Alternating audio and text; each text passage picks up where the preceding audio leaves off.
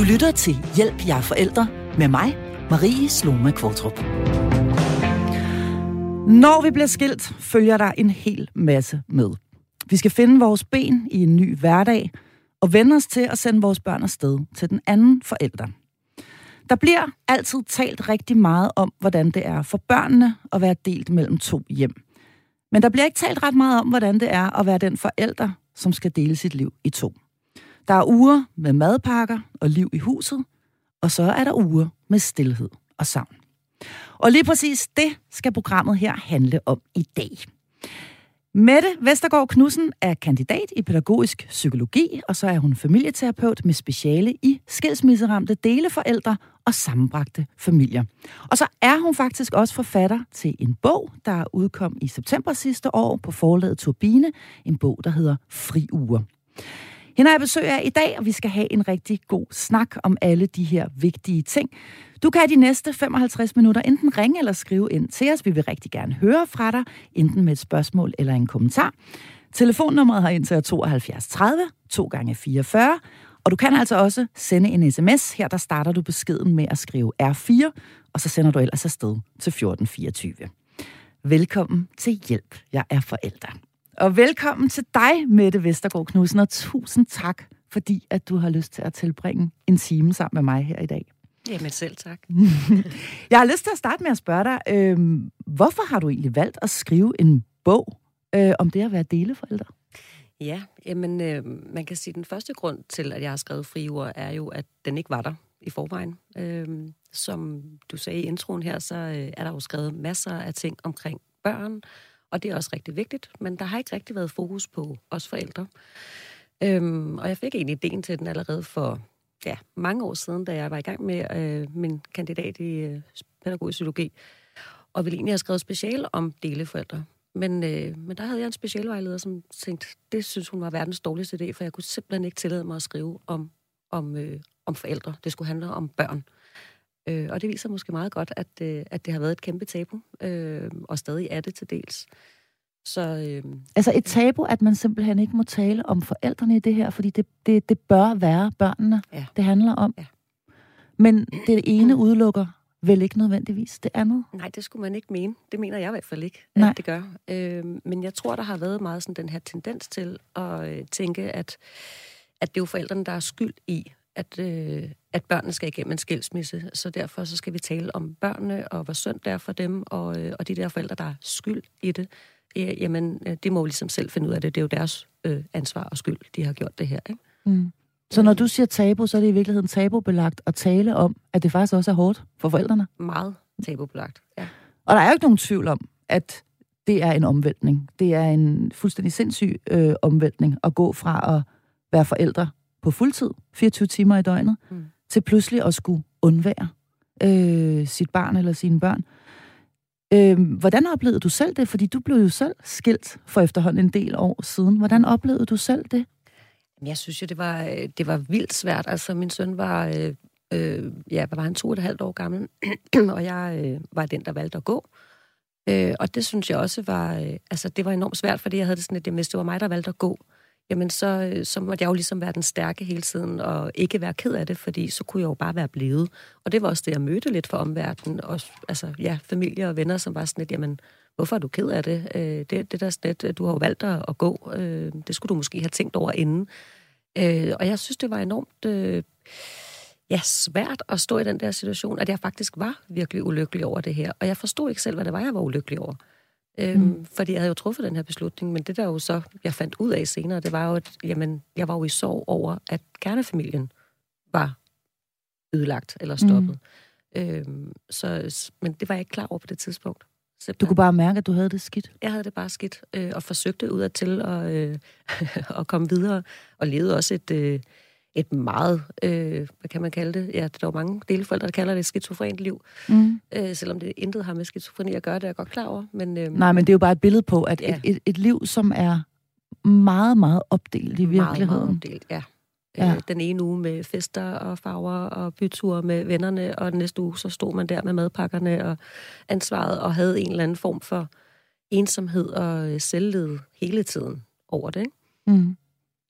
Der kan også øh, kan jeg forestille mig, komme en eller anden form for eskapisme ind i billedet øh, hver anden uge, at det, at man i virkeligheden savner sit barn eller sine børn helt forfærdeligt, at man så fylder, at man flygter ind i noget andet, ikke? og så måske drikker lidt for meget vin, eller ja. går lidt ekstra i byen, eller ja. får lidt for mange dates stablet på benene. Ja, eller... både flugt, men jeg tror også, at man skal tænke på, at man også kan have brug for at, at aflede, øh, så, altså holde en pause fra sorgen. Så, så jeg vil ikke sige, at det altid er en flugt. Jeg tror også, at har, altså, man har brug for det, og det er okay, at mm. man har brug for at holde en pause for, for alt det nye, der mm. ligesom er i gang, som gør ondt. Mm. Øhm, så jeg tror også, vi skal passe på med, at sådan, det er også en flugt. Mm. Jeg tror også, det er meget naturligt, at man har brug for at finde sig selv. Det er jo en ny identitet, man skal genopfinde, øh, efter man er blevet skilt. Ikke? I den grad. Ja. Jeg har selv, øh, selv været der her for øh, ikke ret lang tid siden.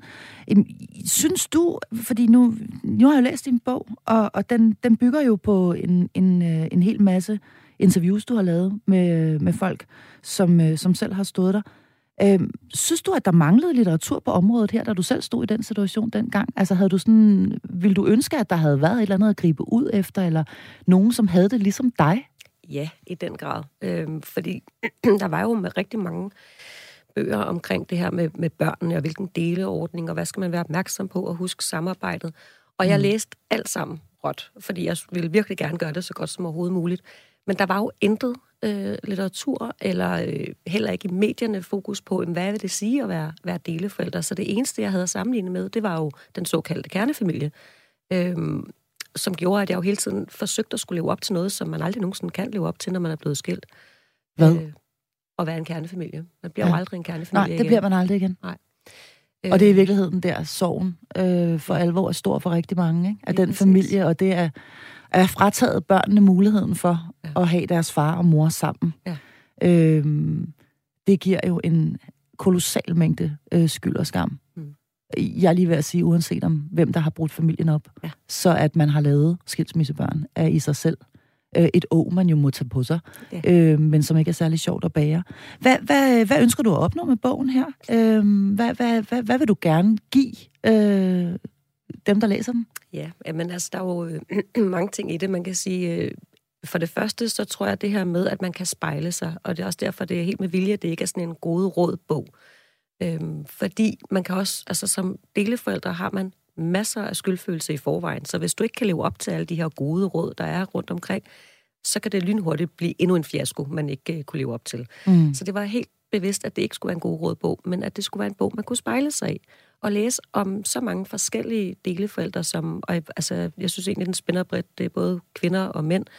Det er nyskilte, det er dem, der har været skilt i længere tid. Øhm, øh, ja, og der var nogen, der er gået, der er nogen, der er, er blevet gået fra. Der ligesom er det hele i bogen, så man rent faktisk kunne spejle sig i og sige, okay, de tanker og følelser, jeg har, de er faktisk blevet tænkt og følt af andre før mig. Mm. Så jeg er ikke forkert øh, på den. Nej, og du går jo ret tæt på. Altså nogle af de her, nu har jeg jo læst bogen, og, og det er meget ærlige, meget hudløse beskrivelser. Altså vi kommer helt ind, øh, også hvor det handler om, om noget, der bliver meget intimt, eller noget, der bliver meget sårbart. Mm. Så i virkeligheden, øh, tænker jeg... Øh, er der ikke, der er ikke noget, der er gemt væk. Nej, det er der ikke. altså det, grim, det grimme, det grimme ja. øh, øh, eller pinlige, eller, mm. eller hvad det nu må være for os lov til at, øh, at, at komme frem her. Mm.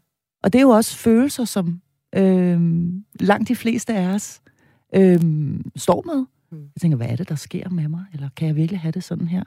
Øh, først og fremmest, og det synes jeg, vi skal prøve at dykke lidt ned i, men først og fremmest øh, følelsen af, af skam ja. og skyld, øh, som jo er ja, nærmest alt overskyggende, i hvert fald i den første fase efter en øh, skilsmisse.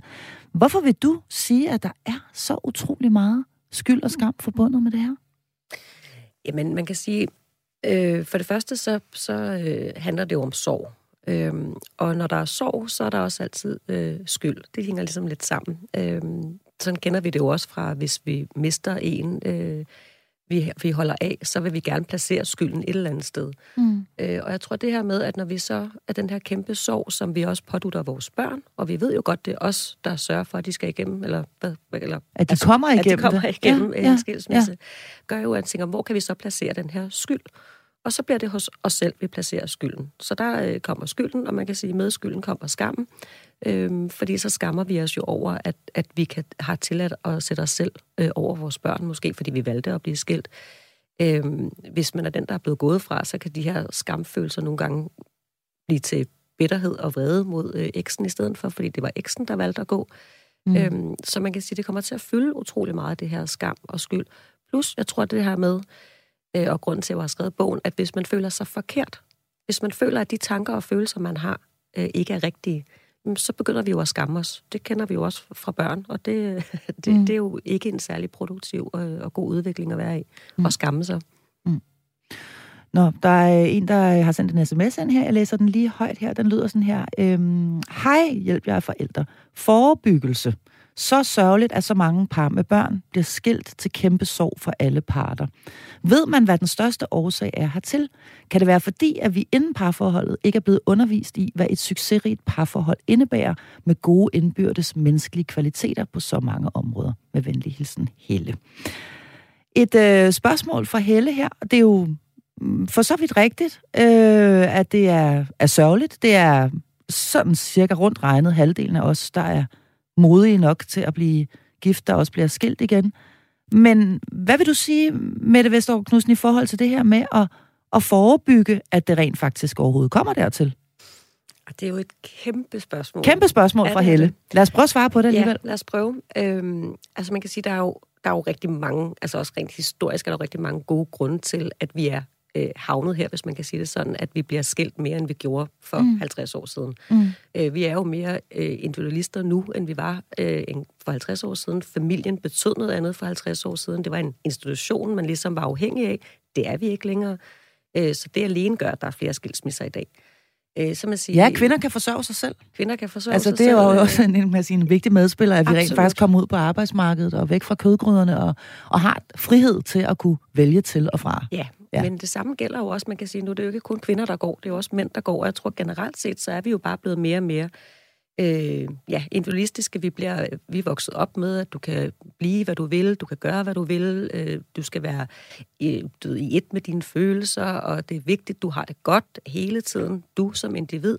Det er jo også med til at gøre, at vi måske ikke nødvendigvis øh, finder os i så meget, eller har et andet behov og nogle andre mål for os selv som gør, at, øh, at ægteskaber kan, kan slutte.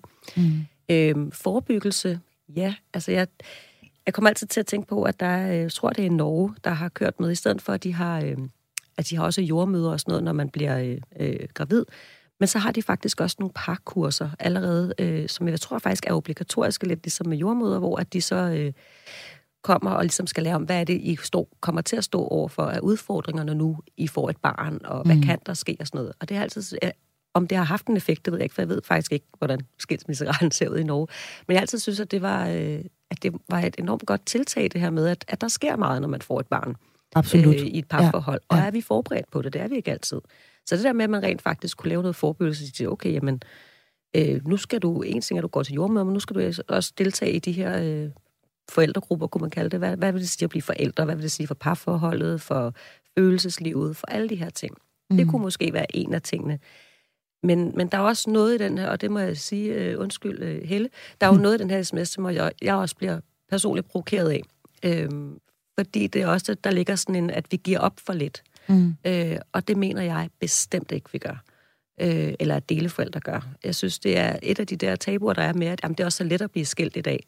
Det synes jeg bestemt ikke, det er. Og det ved jeg, det ikke er. Øh, hvis nogen kæmper øh, til det sidste, så er det, øh, så er det forældre, skulle jeg til at sige, eller øh, skilsmisseforældre. Man gør alt, hvad man kan, fordi man ikke har lyst til at udsætte sine børn øh, mm. for skilsmissen.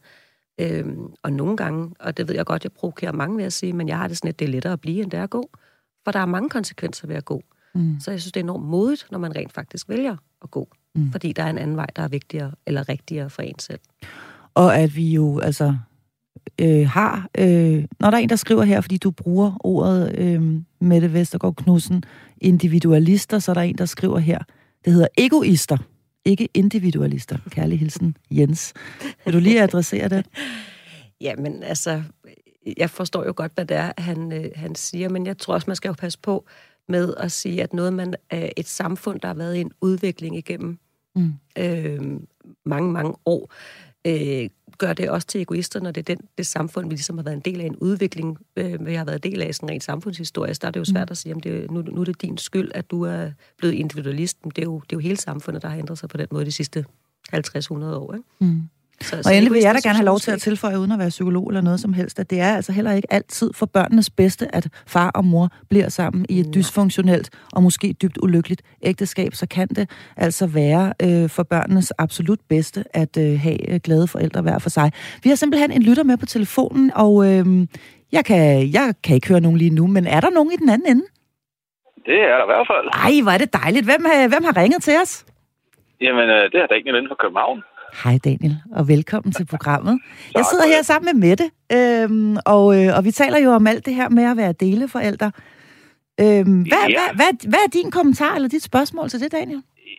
Jamen, jeg har jo en anden side af det, øh, en helt anden side, og det er, når øh, moren ikke vil udlevere øh, ungerne. Ja. Jeg måtte øh, efter seks års slåskamp med, med systemet øh, til sidst kaste håndklæde i ringen. Øh, så da børnene de var seks år, der stod jeg med en advokatregning, der var så stor, så øh, jeg var ved at gå psykisk ned. Jeg var 47 kilo. Hold og øh, til sidst så var det bare, skal jeg fortsætte, eller skal jeg ja, gå i grav med det her, ikke? Og hvad er det så, øh, hvor, hvor, hvor er det havnet øh, henne, Daniel? Jamen, ungerne, de bor stadig hos sin, øh, hos sin mor. Det er tvillinger, øh, og de bliver 18 år her om to måneder. Wow. Øh, og den eneste form for snuseri, jeg har kunne se øh, med deres trivsel, det er inde på Facebook, når der kommer et billede op en gang imellem. Hold da op. Det er det eneste form for samvær, jeg har haft med dem i, øh, i 12 år.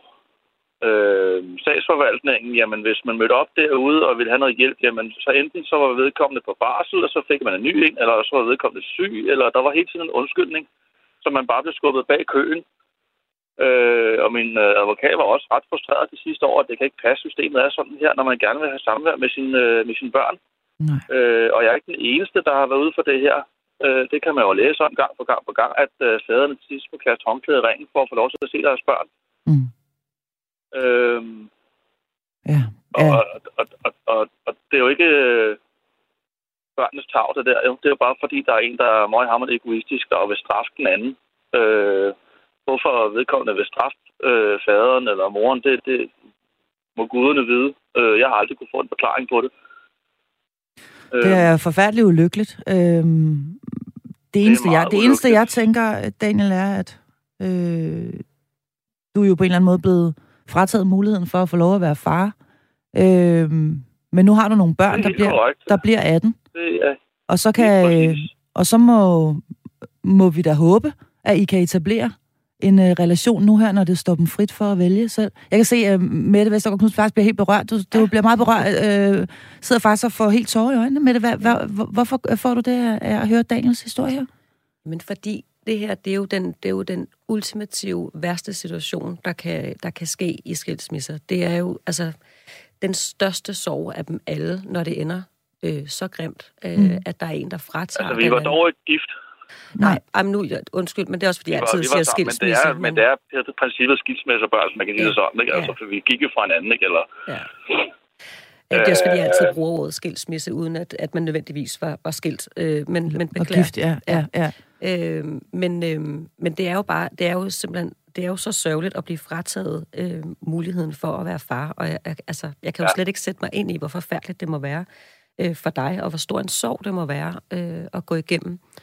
Øhm, og også... Altså hele den situation har jo sat nogle gigantiske dybe ar i en. Øh, så hvis man øh, var så heldig at møde en sød pige øh, ude i byen, eller man blev sendt på en date, jamen så læste du bare personen fuldstændig sindssygt. Øh, og hvis du bare fandt det mindste par i den retning af, hvad du var udsat for, jamen så øh, bakkede du straks ud med det samme. Mm.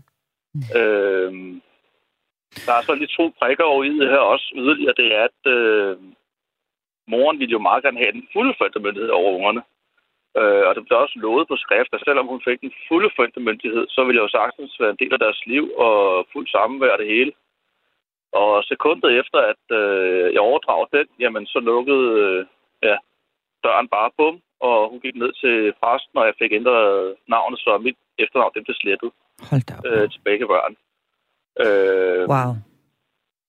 Altså, og jeg kan blive ved øh, med, med, med, med at, at komme op med eksempler i de her sager her, og ja, den her, de, de steder sag, og folk tror ikke på mig, når jeg fortæller, hvordan det har forløbet, fordi det skal ikke kunne lade sig gøre i et, i et land som Danmark, at øh, sådan noget her det kan forekomme, men ja. det gør det til dagligt. Jeg, jeg, jeg ved godt, at dine børn de bliver 18, men jeg håber, at du alligevel er bekendt med den forening, der hedder FAR, fordi de... Øh, det er jeg nemlig, og, de, og nu siger jeg på et pænt godt havnesprog, de kunne øh, ja, proppe sig selv op et sted, hvor der er ret mørkt, fordi at jeg henvendte mig hos dem to gange, og øh, svaret var, at jeg skulle være medlem minimum et år, før de overhovedet ville kigge på min sag. Fordi jeg kan jo ikke bare melde mig ind, og så forvente, at øh, jeg får i hovedet røv. Det var svaret. Mm. Det var svaret tilbage i... Det var det. Det var 2006, tror jeg, der var. Mm. Daniel, ja, det er, det er, et, et, et, det er et helt, vi kunne lave et helt program om, øh, om lige præcis det her med at faktisk få frarøvet sit øh, forældreskab. Jeg vil gerne øh, alligevel sætte et punktum her og sige tusind tak, fordi du ringede ind og lige delte det her med os øh, i det ja. her program, som jo altså handler om at være deleforældre. Det fik du ikke lov til.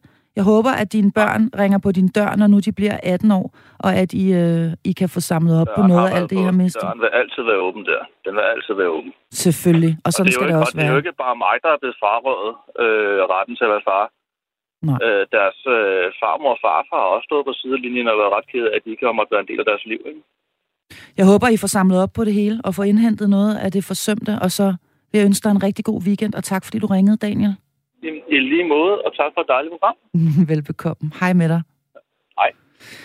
Åh, oh, ja, ja. En øh, enorm øh, sorg, øh, naturligvis, og en, øh, en øh, historie, som ikke øh, lige passer ind i temaet her, som jo handler om at være deleforældre, men en, en historie, som, øh, som handler om slet ikke at få lov mm. øh, og, øh, at være forældre. Og nogle faktisk våde øjne hos dig, øh, Mette Vestergaard Knudsen, fordi ja, ja. det er jo... Øh, vanvittig ulyksalig øh, situation for alle parter, uden det skal lige siges, at vi jo overhovedet har nogen som helst kendskab til, hvad, hvad denne her øh, sag øh, handler om.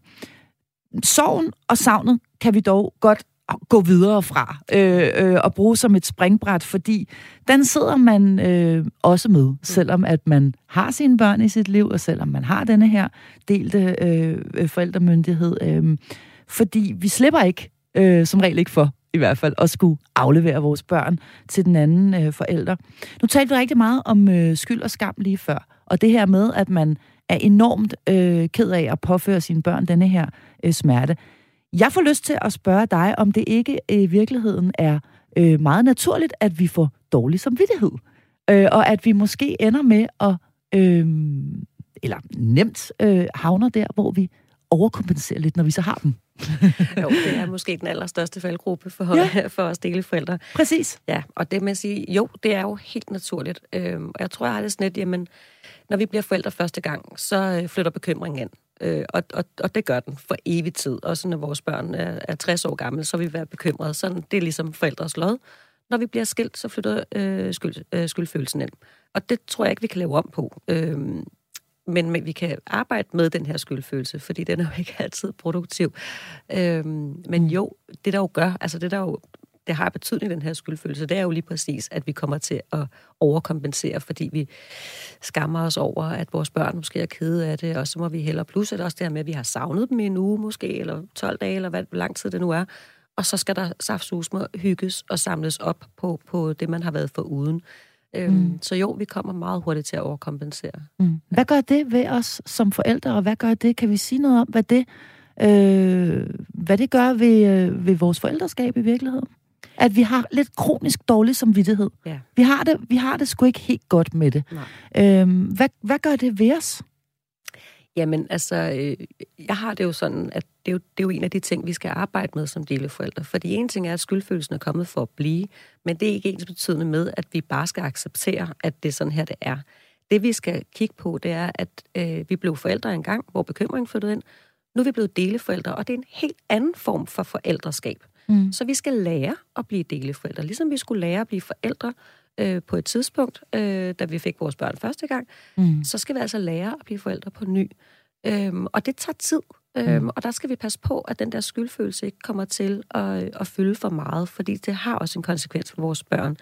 De skal jo gerne øh, ud og have et helt almindeligt liv, også øh, efter de er blevet skilsmissebørn. Øhm, og hvis vi hele tiden øh, kommer til at... Øh, reagerer ud for vores skyldfølelse, så, så kommer vi jo også til at pådute dem øh, et, et, hvad kan man sige, et, øh, et liv, der ikke har en kontinuitet, hvor det hele tiden er sådan noget med, oh, nu skal vi hygge, fordi nu er du kommet hjem til mor. Mm. Øh, og, og, og i næste uge, når du kommer hjem til far, så skal I også rigtig så hygge skal I også der. rigtig hygge. Så Altså, der det kan nemt blive sådan en undtagelsestilstand i Ja. virkeligheden begge steder, Præcis. og hvor at øh, jeg heller ikke kan lade være med at tænke på, at det, at det faktisk kan gå hen måske at blive lidt hårdt for barnet, fordi at nu skal jeg udfylde en eller anden form for tomrum her. Nu skal jeg udfylde, nu skal jeg fylde min mors tomrum, mm. og så skal jeg, og i næste uge skal jeg over og fylde min fars tomrum. Altså, jeg har jo hørt mange sige det her med, at vi har lavet sådan en, om at når barnet kommer hjem til mig, eller børnene kommer hjem til mig, så må de ikke have nogen aftaler. De må ikke have lavet aftaler med venner eller sportsaktiviteter, fordi øh, nu er det jo lige øh, skiftedag, så nu skal vi jo lige finde hinanden igen. Mm. Hvor jeg tænker, for hvis skyld er det? Øh, fordi det her, det skal jo være et barn, der har en kontinu- kontinuerlig hverdag. Øh, så hvis sportsaktiviteten ligger på skiftedag, øh, det kan der være andre grunde til, at det nødvendigvis ikke skal gøre. Mm. Men det her med, hvorfor må man ikke have venner på besøg den dag, man skifter det her, det er jo barnets hverdag, vi skal kigge på. At, at det er jo vores liv, der mm. ligesom skifter fra uge til uge. Det gør barnets liv som sådan ikke. Altså enten er de sammen med far, eller også er de sammen med mor. Øh, men ellers så er deres hverdag jo nogenlunde det samme hele tiden, ikke? Og jeg hører dig også sige, at man skal bestræbe sig på, at der er hverdag. Ja. At, at det ikke bliver Tivoli øh, uge, øh, den ene uge og Tivoli den næste uge også, at man, men at hverdagen også får lov til at indfinde sig. Og hvordan man så gør det, det skal vi tale meget mere om nu. Du lytter til Hjælp, jeg er forældre. Ja, og i denne her uge, der handler programmet her altså om det at være deleforældre, altså om livet med og uden børn, og hvordan man bedst forvalter og navigerer i et liv, hvor man ikke har sine børn hele tiden. Jeg har besøg af kandidat i pædagogisk psykologi, selvstændig familieterapeut og forfatter til bogen Friuger, Mette Vestergaard Knudsen, og du kan fortsat både ringe eller skrive ind til os med spørgsmål eller kommentarer. Nummeret herind til er 72 30 2 gange 44 og på sms'en, der skriver du R4 og sender afsted til 1424. Og Mette, nu har vi jo talt om det her med skylden og skammen, den dårlige samvittighed, øh, sorgen osv. Nu skal vi tale om, hvordan vi som voksne mennesker øh, får den bedst mulige hverdag. Vi skal ikke tale om børnene. Vi skal simpelthen tale om, hvordan vi som voksne mennesker får den bedst mulige hverdag. Hvordan gør vi det? Stort spørgsmål. Meget stort spørgsmål. Jamen, hvordan gør vi det? Man kan sige, øh, det første er jo, at vi skal acceptere øh, og erkende, at det her det er en ny form for forældreskab. Øhm, og det betyder også, at vores liv lige pludselig har forandret sig meget. Øhm, så har man børnene, så har man ikke børnene. Og det, det i sig selv er øh, jo voldsomt øh, hårdt. Det er en kæmpe splittelse. Øhm, plus vores hjerner er faktisk ikke bygget til, at vi hele tiden skifter. Vi kan godt lide rutiner og vaner. Øhm, mm. øh, så det her med, at vi hele tiden har den her abrupte øh, liv øh, med en form for uge med ansvar og madpakker og vasketøj og alt det her, og næste uge, så er der ingen ansvar. Det har vores hjerner faktisk en lille smule svært ved. Øhm, så der er ikke noget at sige til, det er svært. Men, men der er jo måder, hvor at man ligesom kan, kan, kan komme øh, videre og, og, øh, og få en, en hverdag igen. Mm. Og jeg tror, at der er en del af det, der handler om, at man øh, måske øh, begynder at kigge på, hvordan kunne jeg godt tænke mig det her deleliv? Hvordan kunne jeg godt tænke mig at være deleforældre? Fordi det er en anden form for forældreskab, end mm. det man kom fra. Så hvordan kunne jeg godt tænke mig at være deleforældre? Mm. Det, det er en af de ting, man skal kigge på. Mm. Hvordan, øh, fordi det, øh, man kan sige, altså en- en ting er sådan rent sådan, øh, rationelt og, og intellektuelt også, at ligesom sige, om, hvad kunne jeg godt tænke mig? Men hvis vi nu bliver sådan endnu mere konkrete, så øh, har du lige haft en uge med fuld gang i den, og liv i huset, og sportstasker, og madpakker, og øh, kammerater, og så videre, og så videre. Og så bliver det den dag, hvor ungerne skal afsted til deres anden forældre, og så er der bare helt, helt stille. Øhm, hvordan pokker lærer man at fylde det tomrum ud, der, Mm. der, der, der jo naturligt opstår der, især vil jeg sige i starten efter en skilsmisse? Øhm, jamen, man kan sige starten, altså tid er måske øh, det bedste, Mm. mm. øh, jeg kan sige her. Tid øh, er øh, en virkelig god allieret. Mm. Det er den ene ting. Og den anden ting, det er accept. Øh, accept af, at det her nu er et nyt liv. Fordi jeg tror, det vi også øh, er rigtig dygtige til som mennesker, det er, at vi altid er dygtige til at se hullerne i osten. Vi er dygtige til at fokusere på, at vi er kede af det, at det gør ondt, at det er hårdt. Mm. Og det er okay, det, det må også gerne fylde. Men vi kan også godt øh, kigge på, jamen, hvor er det, det fungerer? Hvad er det, der er godt øh, med mit nye liv? Øh, hvordan, hvorfor, hvordan, hvorfor gjorde det til en helt vildt fed uge med mine børn? Øh, I stedet for at, at, at tænke på, åh oh, nej, nu skal jeg snart aflevere mine børn. Men hvad var så rigtig fedt ved at have mine børn? Øhm, faktisk kan man sige, at jeg har sådan en øvelse, jeg tit laver med, enten med mine klienter, men også når jeg holder foredrag, hvor jeg beder de deleforældre om at sige, okay, hvad, hvad er egentlig det fede, der er kommet ud af, at du er blevet deleforældre? Hvad er de mm. gode ting, der er kommet ud af det? Øh, hvad for nogle egenskaber har du fået? Hvad kan du gøre nu, som du ikke kunne før? Og det er ret vildt, som at lige præcis den øvelse er den, der altid blæser folk bagover, fordi man er ikke vant til at fokusere på de gode ting i det her deleliv. Fordi vi er så vant til at tænke på, at det her deleliv, det er jo ikke er godt eller sundt, og det er det næstbedste efter kernefamilien. Så det der med at rent faktisk sige, hmm, jamen, hvad er egentlig det fede ved det her? Mm. Og det alle folk siger, det er, um, det der med at være herre i eget hus, mm. den kommer næsten altid frem. Og det er, faktisk, det er faktisk ret fedt at være herre i eget hus. Der er ikke nogen, jeg skal spørge om lov. Og, mm. og så er der alle mulige andre ting, som, jamen, men når jeg så rent faktisk er sammen med mine børn, så får vi meget mere øh, intens tid sammen. Øh, mere kvalitetstid end før. Der er også mange, der siger, men faktisk så glæder jeg mig jo til de her øh, frie uger, hvor at jeg det behøver ikke at være syv dage, men det der med lige at kunne få et par dage, hvor at, at det er bare mig, det handler om, det er også ret fedt. Ja. Og jo et utroligt skarpfuldt at sige. Jeg skulle lige til at sige det, fordi det var, og nu er jeg der jo selv, jeg har godt nok mine børn øh, øh, langt, langt det meste af tiden, men en gang imellem øh, besøger de dog deres far, og der må jeg da være fuldstændig ærlig og sige, at jeg kan nærmest tælle ned. Altså, jeg kan mm. næsten allerede om tirsdagen begynde at tænke, på fredag får jeg en pause. Mm. Der får jeg en pause, og i samme moment blive ramt af en enorm skyldfølelse overhovedet, og tænke pause i samme øh, øh, sætning som mine børn. Fordi jeg overordnet set ønsker man jo ikke pause for sine børn, men hvorfor er det så skamfuldt? Hvorfor er det så forfærdeligt at sige, nu har jeg simpelthen brug for et par dage uden mine ja. børn? Men jeg tror, altså, der er jo flere ting i det, men det sjove er jo også, at det er jo også fordi, vi altid, altså, vi kommer jo til at, at lave den her med, at skilsmisse, det er simpelthen så forfærdelig en ting, og, og skrækkeligt for de her børn, så er det heller ikke mere skrækkeligt. Øh, der er også positive ting for børnene ved, at de får en mor og far, der er glade, eller bliver glade med tiden igen. Øh, hvis du spørger øh, forældre i en kernefamilie, øh, så, så tæller de også ned til, at børnene skal passes hos mormor og morfar. Og det hylder vi og siger, ja, det kan jeg godt forstå, og det er saftsus også mm. hårdt at være småbørnsforældre, så selvfølgelig skal de der unger passes, så I kan få en weekendtur. Mm. Men med det samme, man er skilt, så er det sådan et, glæder du dig til at aflevere dine børn? Det var da forfærdeligt. Øh, nej, det er jo fuldstændig det samme, at man kan glæde sig til at aflevere sine børn og få en pause, og bare lige have fokus på en selv. Det er altså helt okay. Og nu var der jo en, der hed Jens, der skrev ind til os, øh, før han har øh, i øvrigt øh, øh, skrevet til os igen, kan jeg sige, men han skrev jo, rettede dig lige før med det, da du talte om individualister, og, og skrev, nej, det hedder egoister. Mm. Er det egoistisk at, øh, at trænge til en pause, og rent faktisk glæde sig til den? Æh, nej, det er menneskeligt. Øhm, også fordi det, det, man jo ikke tænker på, det er, det er jo også enormt hårdt at være alene med sine børn, øh, når man har dem. Det er meget intens. Du står for hele ansvaret selv. Øh, der er madpakker og, øh, og afhentning og skole. Og, og omsorg. Og omsorg. Øh, og ikke kun det, men, men det, at du i din, din... En ting af de praktiske ting, for der er måske også nogen, der siger, at det stod jeg alligevel for øh, før. Ja, men det der med, at du ikke har nogen at dele det med heller i hverdagen. Du står alene med, du har ikke lige øh, manden eller konen ved siden af til at sige, ej, jeg ved hvad der skete jo nede i børnehaven, øh, og øh, whatever, hvor det var en eller anden fald, der slog sig. Der er ikke nogen at dele noget som helst med, så lige pludselig så står man fuldstændig mutters alene med de her børn, øh, og skal stå for alt selv. Deres omsorg, deres opdragelse, deres, hvilke værdier man vil gå videre. Plus at man faktisk jo også er i en sorg, især i starten, at man er i en sorgproces, samtidig med, at man skal være forældre. Så at have brug for en pause, ja, det er naturligt. Det har alle brug for en gang imellem. Så det, du i virkeligheden øh, siger nu, det er, at det skal man ikke have dårlig samvittighed over? Nej, det skal man virkelig ikke.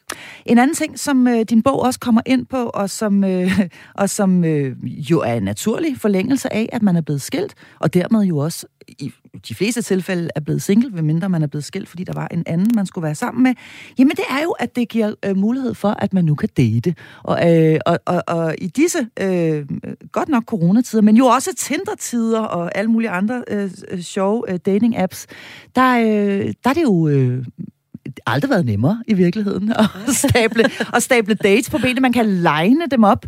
Øh, for nogens vedkommende kan det jo så øh, øh, udspille sig hver anden uge.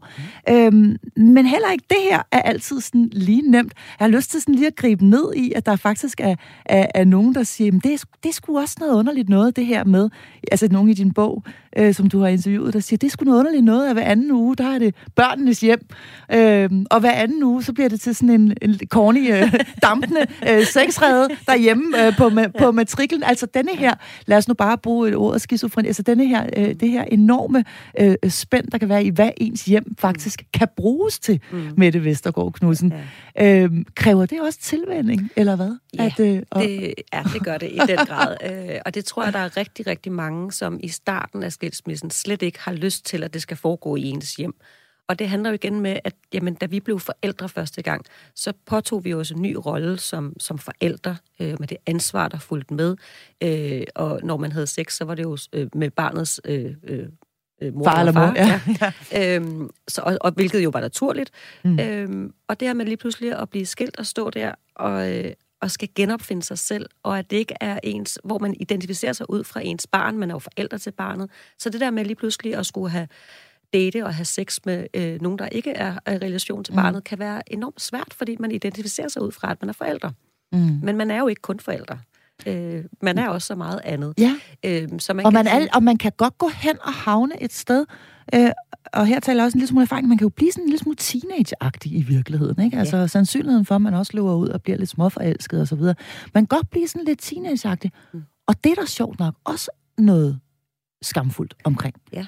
Og faktisk også en fornemmelse af, at omverdenen sådan lidt, hold kæft, hun er da blevet helt sindssyg hende der. Prøv lige engang at se, ikke? Og nu mm. staver hun afsted på høje hele en onsdag aften. Mm. Der er også noget skamfuldt forbundet med, at man øh, udlever nogle af de her ting, mm. øh, når man ikke har sine børn. Absolut. Altså, det er jo et kæmpe tabu, det her. Øh, oplever jeg, både fra, øh, fra klienter og, og, som du siger, i bogen af dem, jeg har interviewet. Det er jo et kæmpe tabu, det her. Men der er jo ikke noget, der er mærkeligt i det. Øh, vi bliver skilt, øh, om man havde hvis man sammenligner med, at man kender nogen, der har været sammen i øh, 10 år og ikke fået børn, og de bliver skilt, øh, så vil man hurtigt være sådan et, ej, du skal bare op på hesten igen og ud i byen og give den gas. Mm. Så det handler om den der forældrerolle, at mm. vi siger, ej, det er også mærkeligt, hvordan kan du lade dig gøre det, når du er forældre? Jamen, jeg er også single, jeg er også menneske. Og, og det er jo meget naturligt, at man går tilbage til den tid, der var, øh, inden man fik børn, fordi man skal genopfinde sig selv. Så hvor er det, man skal kigge hen? Jamen, så kigger man jo tilbage i fortiden og siger, okay, sidste gang jeg var single, det var, det var den gang. Lad os prøve det igen. Mm. Øhm, og man kan sige, for mange er det måske en fase, der, der, altså, hvor det måske er meget teenageagtigt lige i starten, og så æbber det ud, fordi ja, så er der måske andre ting, man, eller så finder man en, eller hvad det kan være. Ikke? Ja, eller man bare bliver træt. Ja, det, ikke? det, kan være, det, der, det, der kan være sjovt og, og, og spændende i starten, det, det holder måske op med at være det. Ja, plus, som jeg også lige siger, jeg tror også, det handler rigtig meget om, at det her med, og det ved jeg også, at en af, af interviewpersonerne i bogen også siger, det her med, at det ikke, at det ikke er en flugt at rende ud og øh, have travlt på de høje hæle og, og knalde sig igennem halvdelen af byen. Men det er faktisk, undskyld ordet, øh, men at det også handler om, øh, det her med at, at slippe ansvaret mm. en gang imellem. Slippe den her sorg, slippe alt det her tunge, der fylder nogle gange bare være sådan lidt, puha, nu slipper jeg det hele, nu, nu sætter jeg det på pause hjemme i lejligheden, og så er jeg bare fri et øjeblik. Fri af alle bekymringer og savn og alt muligt. Nu er jeg bare mig. Halleluja. Ja. Og, og amen vil jeg sige til det, du siger der, fordi hvor har man dog bare indimellem brug for lige præcis det der. Ja. Øhm, at der er, nu, nu skal jeg ingenting. Mm. Man skal jo noget ja. hele tiden, ja. når man er nogens far eller nogens mor. Ja. Så skal man noget hele tiden, og i særdeleshed, når man er alene med dem. Mm. Så skal vi bare give os selv lov til at fyre den af, og så nyde det, når Absolut. Øh, vi ikke har de der børn, eller hvad, hvad ja. vil du sige? Det vil jeg sige. Jeg vil sige, at man, vi skal være... Øh, vi skal stå ved, hvad vi har brug for. Og det er meget forskelligt fra person til person. Jeg har jo også klienter, som siger, jamen det der med byliv og gå i byen og alt muligt andet, øh, jamen ved du hvad, altså jeg er 40 plus, eller hvad jeg, det, det er faktisk ikke lige, det gider jeg ikke mere. Det er også okay. Der er ikke nogen, der siger, at du skal løbe øh, byen rundt og gå i byen hver eneste weekend, hvis du ikke har lyst til det. Det er jo meget individuelt, hvad det er, der gør, at man ligesom tænker, okay, hvad har jeg brug for, for mm. at, at, at finde mig igen? Øhm, mm. Så ja, man skal bestemt øh, hylde, at man er, øh, mm. hvem man nu end er øh, i begge uger.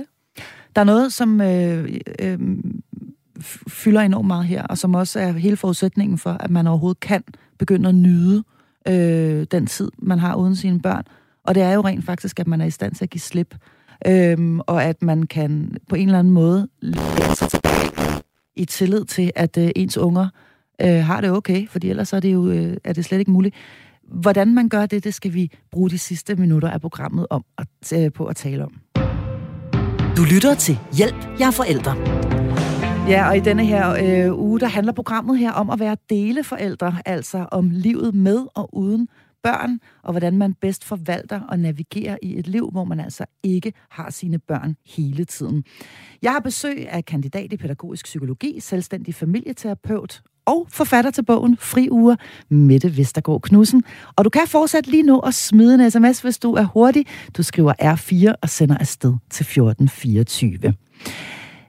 Vi har talt om øh, afsavnet og om det her med at finde en måde at være i en hverdag på, hvor man kun har sine børn noget af tiden. Øhm, men noget af det, som vel er helt essentielt med det Vestergaard Knudsen, det er, at man øh, også formår at slippe øh, de uger eller de dage, hvor man ikke har sine børn. Og her er vi nødt til lige at tale om ens forhold til den anden forælder, nemlig den, som man jo altså sender sine børn afsted til. Hvad er den største udfordring, når vi taler om at øh, slippe kontrollen simpelthen? Jamen, den største udfordring er jo, øh, at der var en grund til, at man gik fra hinanden. Øh, så der er en masse følelser på spil, øh, som kan spænde ben for det her samarbejde. Øh, og det er klart, at hvis man har et, øh, et, et, et dårligt øh, samarbejde, eller ikke eksisterende samarbejde, så er det også meget svært at slippe kontrollen, øh, når ens børn skal derover. Mm. Øhm, men så handler det jo også om en helt essentiel ting, som når vi får børn, så, er det jo en, vi, så kan vi jo langsomt slippe på vores børn. Først så er de helt tæt på os hele tiden, øh, altså, og endnu tættere, når det er mødre, kan man sige. Men, men derfra, så er det jo sådan, når vi så sender dem i vuggestue, så giver vi lidt slip. Så kommer de i børnehave, så giver vi mere slip, og så videre, og så videre. Indtil de en dag flytter hjemmefra, så giver vi helt slip. Mm. Og når man bliver skilt, så er det fra den ene dag til den anden, du skal give slip. Så det er der jo noget helt naturstridigt i, og meget, meget svært, at man lige pludselig ikke ved, hvad der foregår på den anden øh, matrikel, måske. Mm. Øhm, og det er klart, det er en af de allersværeste øh, øvelser i det her. Og, og der tror jeg igen, man må sige, okay, men tid øh, blandt andet. Øh, og det er okay, det tager tid. Og det også handler sammen med, altså også hænger sammen med sorgen og med savnet. Mm. Øhm, ja. Men det, han, det, det hænger vel også sammen med, at øh, at man har en eller anden form for samarbejde, en eller anden form for kommunikation med den forælder. Nu kan der jo være enormt stor forskel på, hvor gamle børnene er, og min erfaring er, at jo, jo, jo yngre børnene er, jo mindre de er, jo mere behov har man for at høre, at det går godt. Jo mere behov har man for at vide, at altså ligesom få livstegn i løbet af den uge, eller vide, jamen, at, at tingene kører, som de skal, og der ikke er et barn, der er, er ked af det, eller ulykkelig, eller savner, eller hvad ved jeg. Mm. Øhm, hvad vil din bedste råd være til et godt øh, samarbejde som deleforældre? Altså, øh, jeg har flere, men jeg vil starte med at sige, at det første det er, at, øh, at vi skal passe på med at sige, at vi skal have et godt samarbejde. For hvad ligger der i et godt samarbejde? Øh, vi mm. har jo mhm. forskellige øh, holdninger til, hvad et godt samarbejde er. Øh, så en forventningsafstemning øh, er en god idé.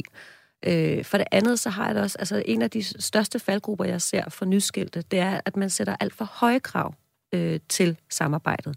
Fordi man er så bange for at gøre noget forkert, så sådan, at vi skal holde jul sammen og fødselsdag sammen, og vi skal spise middag sammen tre gange om ugen. Og jeg plejer altid at sige til mine klienter, det er nogle rigtig fine intentioner, og det er rigtig fint, og måske det kommer til at lykkes. Mm. Øh, men lad være med at love for meget. Og være okay med, at, at det er rigtig svært, når I begge to er i sorg, og skulle have verdens bedste samarbejde. Behøver ikke at have verdens bedste samarbejde fra start.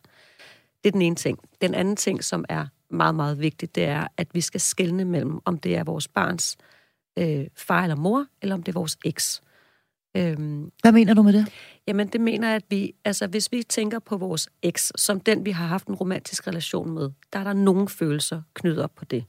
Øh, og det var jo den, man gik fra. Mm. Øh, det var jo den, eller som forlod en. Eller som forlod en. Mm. Så der er rigtig mange følelser knyttet op på, på den person, øh, hvordan han har været, eller hun har været, som kæreste, kone, whatever. Mm. Det er nogle øh, andre følelser, der er knyttet op på ens barns anden forældre. Det kan også godt være, at man har negative øh, følelser omkring det, men det er nogle andre negative følelser. Mm. Øh, det er en så man skal skille tingene ad i virkeligheden og se på, hvordan er han som far, eller hvordan er hun som mor, ja. ikke som, som, øh, som menneske, ja. eller som den, jeg ikke lever sammen med længere. Præcis, for det er ikke din ekspartner, du skal samarbejde med. Det er dit barns anden forældre, du skal samarbejde med. Aha, vigtig pointe. Meget God vigtig. pointe. Ja. Øhm, hvis man jo så, og det kan der jo øh, meget nemt være, især når man har valgt at gå fra hinanden, grundlæggende øh, bare er enormt stor forskel på, hvordan man er forældre. Altså, hvad man, hvordan man synes, at hverdagen skal se ud. Mm. Øhm, og man sidder og tænker, jamen nu har jeg afleveret mine unger over hos noget, som jeg synes er helt i skoven, mand. Mm. Altså, det, det, det kører jo helt. De kommer for sent i sengen, og de får ikke sundt nok mad. Hvad det nu må være? Altså, der kan jo være mange ting. Mm. Hvordan, øh, hvordan griber man det an? Man kan sige, man kan jo altid prøve, alt efter hvilken relation man har, har, at tale om det. Kan vi nå til en enighed? Men, men det, der jo oftest er, det er, at vi ser os enormt gale på den anden om, at, at de, man har nogle andre værdier og nogle andre opdragelsessæt. Øh, og der er også sådan en holdning om, at, øh, at altså, folk tror sådan lidt, at man, når man bliver skilt, så skal vi være 100% enige. Øh, og det er sådan et... Ja, det var vi heller ikke før. Nej, nej. Øh, og der var en grund til, at man gik fra hinanden. Så, så, så nej, vi bliver aldrig 100% enige, og måske endnu mindre. Også fordi vi udvikler os hver især i hver vores retning, så er det nogle andre værdier, vi vil give videre. Så jeg tror igen, der handler det om... Altså, jeg plejer altid at skelne mellem det her med vilkår og udfordringer. Okay. Øhm, og det er sådan, at jamen, du kan ikke ændre på, hvad der foregår i et andet hjem. Vi, du kan forsøge at tage en snak om det, men du kan ikke ændre på det. Det er et vilkår. Og han eller hun har lige så meget ret til det, øh, at give de værdier videre, inden for rimelighedens grænser, selvfølgelig. Øh, der er jo selvfølgelig nogle øh, sager, hvor at det ikke mm. er inden for rimelighedens grænse. Men inden for rimelighedens Men hvis grænse, det er inden for rimelighedens grænse, og det ja. rent faktisk er faldet sådan ud, at, øh, at den anden forælder har samkvem og så videre, mm. øhm, så hører jeg dig sige, at så er man simpelthen nødt til at æde ja, det er en øh, hulens masse kameler. Ja, det er i den grad bare med at, at få slugt nogle kameler og mm. øh, klippe en tog og hvad det hedder. Og så rent faktisk kigge på, jamen, hvad, hvad er det for nogle udfordringer, det giver mig? Hvad er det for nogle udfordringer, øh, det giver mig, når, øh, når øh, hvorfor er det, jeg bliver så harm over, at min eks gør på den og den måde? Mm. Det er jo også nogle grundlæggende værdier i en selv, der sådan, at jeg blev opdraget med. Jamen, men der er jo ikke nogen, der siger, at du ikke kan give det videre til dit barn. Øh, og det er jo ikke, at vi har da også lidt, jamen børn, når det skal være samme værdier og samme opdragelse, børn er ret seje og de kan godt skælne. Det kunne de også, da de boede sammen. Altså, da man boede sammen som familie, så var det jo også lidt, at min far gjorde på en måde, mor gjorde på en anden måde. Øh, du ved, om vi spørger altid mor, om vi må få is, øh, og spørger far om noget andet. Så mm. var det jo også, da man boede sammen. Og det bliver selvfølgelig mere tydeligt, når man flytter fra hinanden, men børn kan godt skælne, og det gør faktisk overhovedet ikke spor, at de får flere værdisæt. Mm. Øhm, og så kig på det positive ved det. Øh, jamen, har man øh, en eks, som du gerne vil være tivoli-far og gøre alle de her ting, så siger jeg, okay, jamen fedt, så får mine børn de her oplevelser. Øh, super. Øh, det kan jeg synes måske ikke nødvendigvis, det er det fedeste, øh, men, øh, og jeg vil ikke selv gøre det, nej. Men mm. det er jo så den måde, han kan være, eller hun kan være forældre på, så må det jo være sådan, og så får, har de det hyggeligt øh, med deres andre forældre, så giver jeg dem noget andet. Mm. Og, og, og man kan sige, hvis man så sidder helt konkret, og det er lørdag aften, og man tænker, åh, oh, nu ved man bare, de kommer alt for sent i seng, eller de får alt for meget sukker, eller hvad det nu må være, eller de får lov at se skærm til klokken to, eller hvad det nu kan være, man bare, mm. øh, den irritation over ikke at kunne være den, der styrer mm. slagets mm. gang. Hvad vil du sige, hvis man sidder med den? Jamen, jeg vil sige, at det er jo en forståelig, altså det er jo en helt naturlig reaktion, og det er meget, meget forståeligt. Øh, men, men for at være en lille smule benhård, det er sådan lidt, du kan ikke gøre noget ved det. Nej, altså, det, det kan man jo ikke. her, det er. Mm. Øh, så, så hvad vil du bruge det til? Vil du bruge al din energi på at sidde og blive mavesur og bitter over noget, du ikke kan ændre på? Mm. Det er spildt energi. Mm. Kig på, hvad du rent faktisk så kan, kan... Hvad er det for nogle udfordringer, det giver mig? Ja, det giver mig en udfordring, at få et træt barn hjem. Okay, mm. kan du så lave din hverdag om, så, så I får indhentet den her søvn? Altså, for mm. at være benhård. For at være benhård. Ja. Så, så øh, det, jeg et eller andet sted hører dig sige, det er, at vi faktisk godt kan lære at slippe ansvaret og kontrollen i de uger eller i de dage, hvor børnene ikke er hos os. Vi kan faktisk lære os det. Det kan vi godt, ja. Mm. Og øh, hvis man så skal øh, snakke tilvænding, og man lytter med nu, eller man er i den situation, at det hele er nyt og anderledes, øh, hvor skal vi starte henne? Hvordan skal vi lande i det her nye liv, hvor vi har fri, øh, i, i citationstegn, for de fleste skal dog passe et arbejde, men hvor vi altså har børnefri øh, i noget af tiden. Hvad vil være din bedste sådan helt konkrete råd? Hvor skal vi starte henne? Hvad skal vi starte med at fylde på i de der, øh, på de der fridage? Øhm, jamen, man kan sige igen, at det er jo meget individuelt øh, fra person til person, men jeg tror, øh, en ting, som jeg også sådan, nogle gange sådan, har spurgt klienter om, når de siger, at jeg savner så meget, så det er hårdt og sådan noget, så siger okay, er der tidspunkter, hvor du ikke savner? Mm. Øhm, og det, der kan, der, det er også igen tabubelagt at sige, at der er faktisk, du ved, når jeg hvad ved jeg, går til yoga, eller hvis jeg øh, er sammen med vennerne, så savner jeg faktisk ikke. Og det er enormt svært for folk at indrømme. Jeg har sådan et husk på, at du ikke savner jo ikke ens betydning, men du ikke elsker ubetinget. Vi elsker altid vores børn ubetinget. Men derfor kan vi godt have perioder, hvor vi ikke savner. Mm. Og så prøver jeg sådan at kigge på, hvornår, hvad er det for nogle situationer, hvor jeg ikke savner mine børn. Prøv at, at lægge mærke til, at, at måske så er det så er det måske øh, 10 minutter øh, fredag, jeg ikke savner mine børn. Øh, så bliver det lige pludselig til to timer og flere, flere timer. Læg mærke til, hvad, hvad er det, der sker på de her tidspunkter, hvor jeg ikke savner, og hvor jeg rent faktisk hygger mig. Gør mere af det, for mm. jeg sige. Øh, mm. Og prøv at lægge mærke til, at der faktisk er en udvikling. Så fyld noget af det ind, som, ja. Som i virkeligheden afleder en. Er ja. det det, du siger? At hvis det er at gå til Zumba, eller ja. øh, spille kort med underboen, eller hvad det nu kan ja. være, Ja, altså, og faktisk prøve at vente om og sige, hvad er det for nogle muligheder, det lige pludselig giver mig, at jeg øh, har børnefri, øh, hvad er nu, eller tre dage, eller otte dage, eller hvad det nu kan være. Hvad er det for nogle muligheder, det giver mig? Ja, det er hårdt, og, det er, og man savner. Ja, det kommer du til at leve med for evigt. Det er en sorg, du kommer til at leve med for mm. evigt. Det skal man også være klar over. Men ligesom vi har det med alt andet sorg, og det tror jeg er meget vigtigt for mig at sige, at den her sorgproces, tror jeg, vi glemmer som skilsmisseforældre. Mm. Det er vigtigt, at vi rent faktisk mærker efter den her sorg øh, og, og identificere vores egen sorg. Hvad er det, der er den største sorg for os selv? Jeg kan sige, for mig har det været, jamen jeg ved, at det, at, ja, den ene ting er, at det, at mit barn skulle være skilsmissebarn, var en kæmpe sorg. Mm. Øh, den anden del er, at det er en kæmpe sorg for mig, at han ikke fik nogen helsøskende. Øh, han har fået en hel masse halvsøskende hos hans far. Det er jo fantastisk, men det betyder, at jeg ikke har fået flere børn. Ja. Så det er en kæmpe sorg for mig. Ja. Øh, og det er jo ikke, fordi jeg hver eneste dag går og tænker over det, men det er en sorg, der popper op en gang imellem, og det er okay. Og hvad stiller du så op med? Jamen, øh, jeg tror, det er det, jeg, jeg tænker med, det her med, hvis man øh, identificerer sin egen sorg, så kan man også hilse den velkommen, når den kommer og sige, nå, ej, der, jeg kunne lige mærke, nå, der okay, jeg så lige en barnevogn eller mm. et eller andet, og så sige, okay, nu kan jeg lige mærke, at det gør ondt. Det er okay. Nå ja, det, mm. det er min gamle sorg.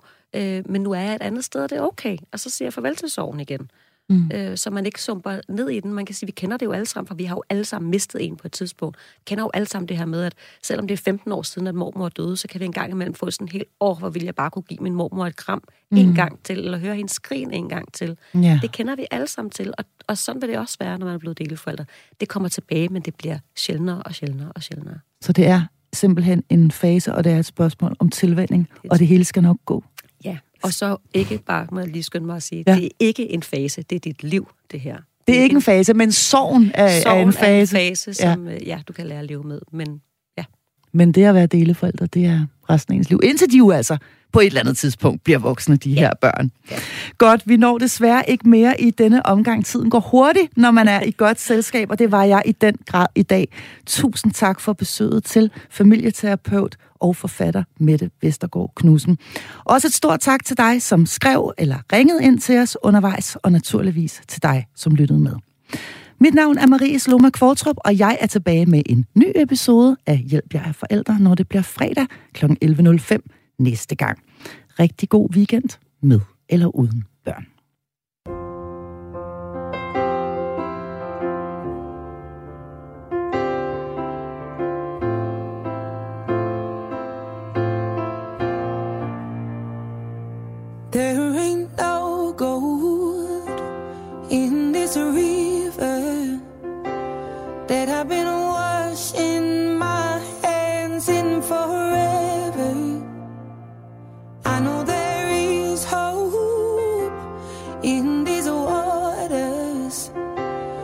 but I can't breathe.